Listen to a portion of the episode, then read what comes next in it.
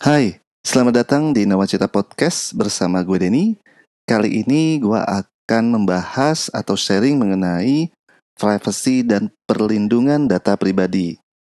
Mari kita mulai. Audio.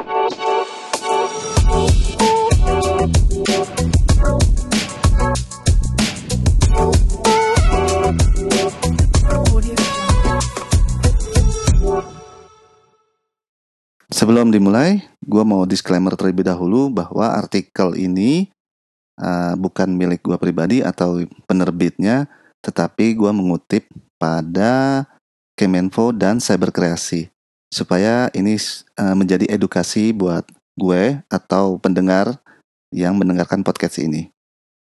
Mengutip pada sebuah artikel yang bernama Privasi dan Perlindungan Data Pribadi yang dikeluarkan oleh Kemenfo dan Cyberkreasi, pengertiannya adalah setiap orang memiliki hak asasi manusia untuk dapat melindungi dirinya pribadi.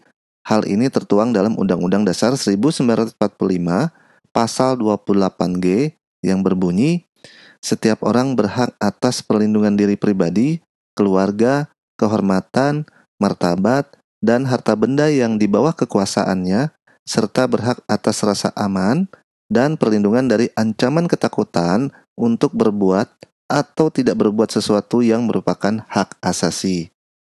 Setiap individu tentunya memiliki hak privasi atas data pribadi yang dimilikinya, yaitu hak untuk dapat mengatur, mengedit, mengelola, dan menghapus data pribadi yang dia miliki dan menentukan kapan, bagaimana, dan untuk apa data tersebut dikomunikasikan kepada pihak lain. Lalu, apa saja yang termasuk data pribadi?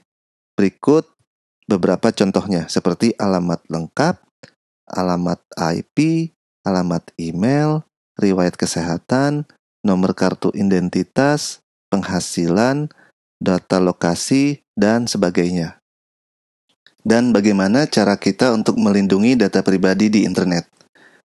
Terdapat beberapa hal yang perlu diperhatikan untuk menjaga keamanan data kita di internet. Berikut beberapa di antaranya. Yang pertama, menggunakan password yang sulit untuk akun-akun yang kita miliki di internet. Misalnya akun email, media sosial, aplikasi toko online, dan sebagainya. Hindari password yang mudah ditebak seperti tanggal lahir, nama pasangan, nama sekolah, dan sebagainya. Lalu yang kedua, jangan membagikan informasi khususnya data pribadi terlalu banyak di media sosial. Data tersebut dapat dimanfaatkan oleh orang yang tidak bertanggung jawab.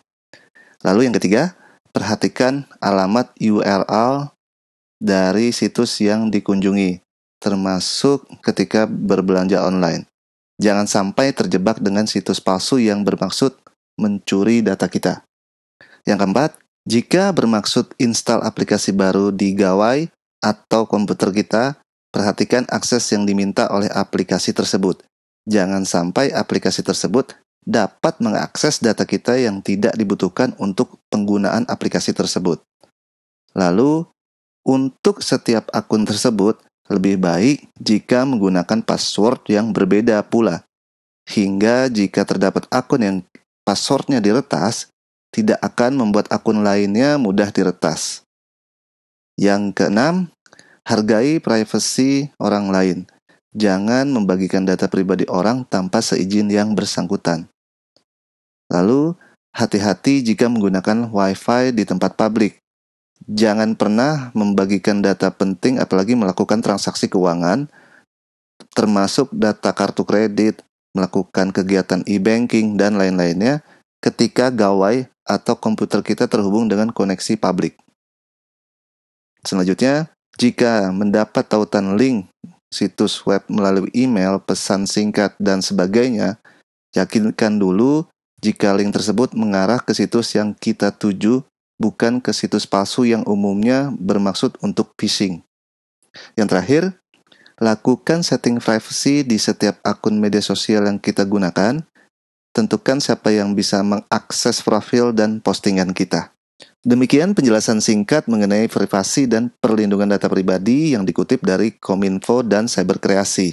Kalau menurut gue pribadi, memang langkah-langkah ini sangat penting untuk mengetahui privacy dan perlindungan data pribadi. Dikarenakan era digital pada saat ini banyaknya aplikasi atau teknologi yang mempermudah kita semua. Jadi, uh, kita harus menimbang apakah teknologi atau aplikasi tersebut sudah uh, dapat uh, kita manfaatkan dengan baik atau terbalik malah kita yang dimanfaatkan oleh aplikasi atau teknologi tersebut. Audio Jungle.